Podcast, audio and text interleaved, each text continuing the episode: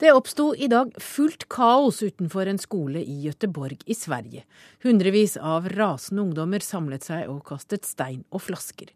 Halvor Finnes Trettvoll, du er debattredaktør for nrk.no, og dette handler egentlig mye om en rykteflom på internett. Det gjør det. Det ser ut til å ha gått en kule varmt i Gøteborg, på en skole der, etter at en, det som tilsynelatende er en jente, har uh, lagt ut uh, rykter og hets sjikane mot uh, navngitte andre jenter på sosiale medier, på noe som heter Instagram bildedelingstjeneste. Og Eh, det har ført til at det har kokt ganske kraftig over. Eh, det er snakk om politiet som har satt inn hester og hunder og et helikopter osv. for å stagge en gruppe ungdom som eh, kaster stein og flasker på forbipasserende, har tatt seg inn på et kjøpesenter og har lyst til å hevne seg på vedkommende som skal ha stått bak en Instagram-konto som, en, som, ble opprettet for noen dager siden, som da har eh, inneholdt beskyldninger om at noen jenter er eh, horer, eller altså navngi mennesker de skal ha hatt eh, sex med. Um, og denne kontoen fikk i løpet av kort tid mange følgere. ikke sant? 6000. Men er den oppe nå?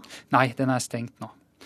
Um, men hva er det folk mener for noe om denne saken? Altså, det er jo usikkert hva som ligger bak den. Det er my mye uklarhet der. må man si. Det kan jo være personlige, private forhold eller andre ting her som vi ikke vet uh, noe om. Um, og så må man jo si at uh, det, de reaksjonene ser ut til å ha gått over alle støvleskaft. Men historien forteller jo også noe om um, skyggesiden av sosiale medier. Da, at, uh, at de kan brukes til å spre løgnaktige rykter eller eh, personkarakteristikker som er veldig nedlatende, og at det kan brukes som mobbing, rett og slett. Um, um, Men så har man jo da tatt hevn igjen, da, nå ved at skolen uh, nærmest oversvømmes av rasende mennesker som ikke syns det går an?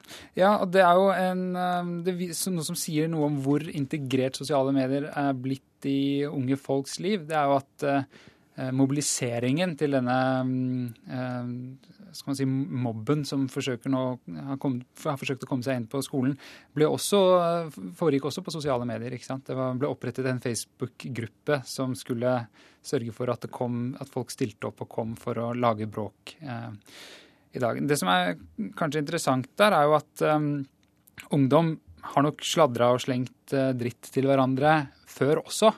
Det er på en måte ikke det nye her.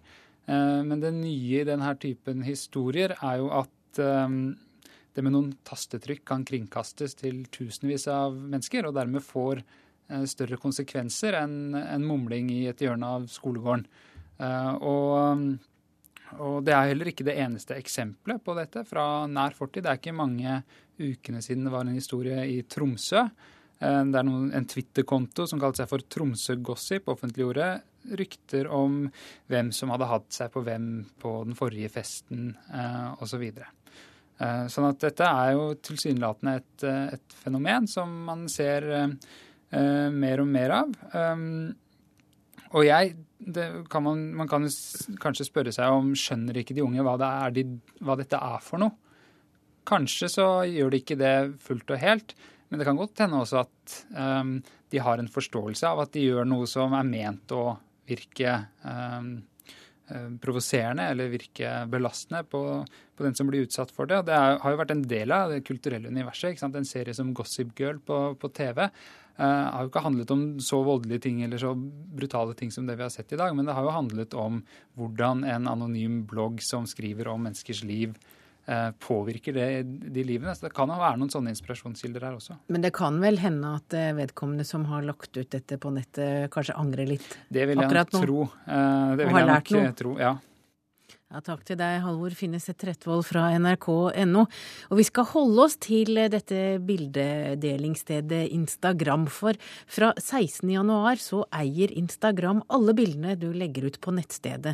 Og hvis du ikke ønsker å gi bort bildene dine til Instagram, så må du altså slette kontoen før 16. januar. Og Torgeir Waterhouse, du er direktør for internett og nye medier i IKT Norge. Hva betyr disse retningslinjene for de som ja, liker å dele bildene sine med andre på Instagram? Jeg tror at vi skal begynne med at i utgangspunktet så betyr det ikke så mye praktisk for de aller, aller fleste.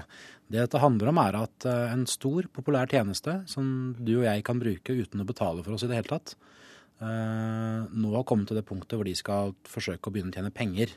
Er en ganske vanlig måte å bygge opp sånne tjenester på. Det, det de gjør med endringene i vilkårene sine nå, er at de sier at vi, vi ønsker nå å kunne bruke bilder som våre brukere har tatt, til å lage annonser og bruke det i i andre sammenhenger hvor disse bildene kan fremstå som, som gode, gode, illustrasjoner for en annonse.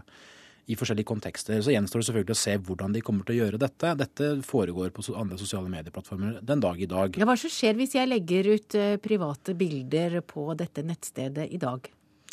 Det, det, er jo i hovedsak to innstillinger du kan gjøre per i dag. Det ene er at det er åpent tilgjengelig for hvem som helst i hele verden til å se det, eller at det er bare tilgjengelig fordi, at din konto bare er tilgjengelig og synlig fordi du har sagt skal få se.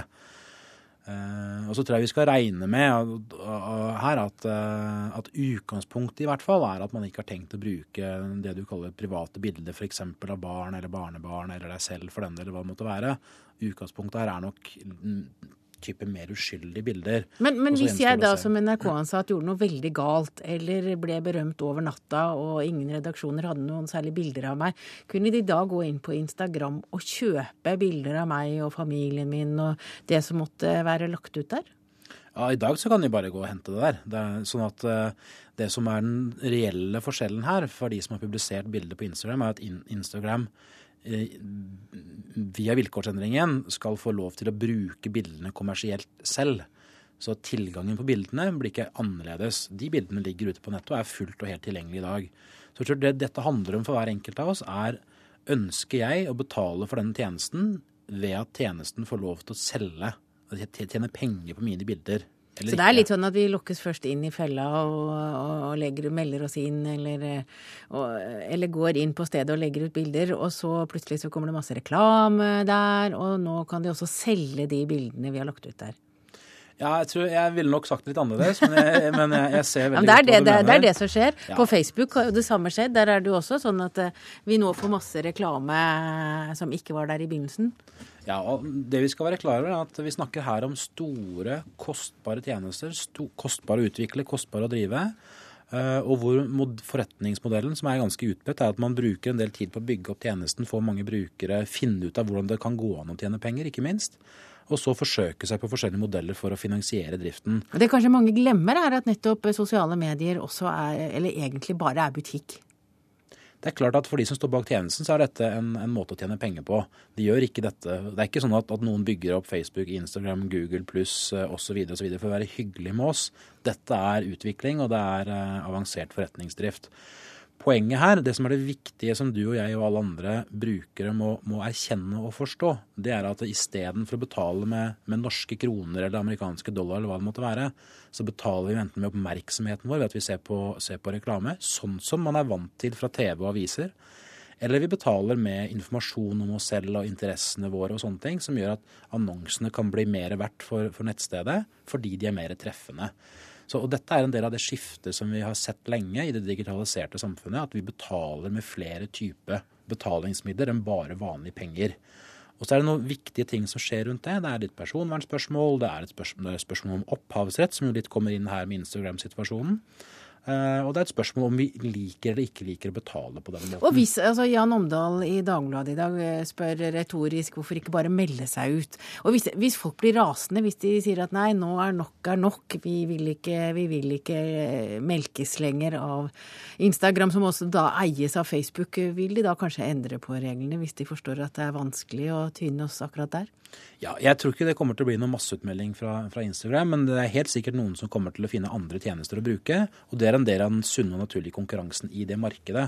Og sånn er det med alle disse tjenestene. Det finnes alltid konkurrenter som gjør ting på en litt annen måte. Og det vi også må være klar over, at disse tjenestene er nye. Instagram er grunnlagt i mars 2000, år to, nei, 2010. Det er ikke noe gammel tjeneste. Og, og man eksperimenterer med modellene. Gjør endringer, får tilbakemelding og prøver på nytt. Takk til deg, Torgeir Waterhouse. Du er direktør for internett og nye medier i IKT Norge.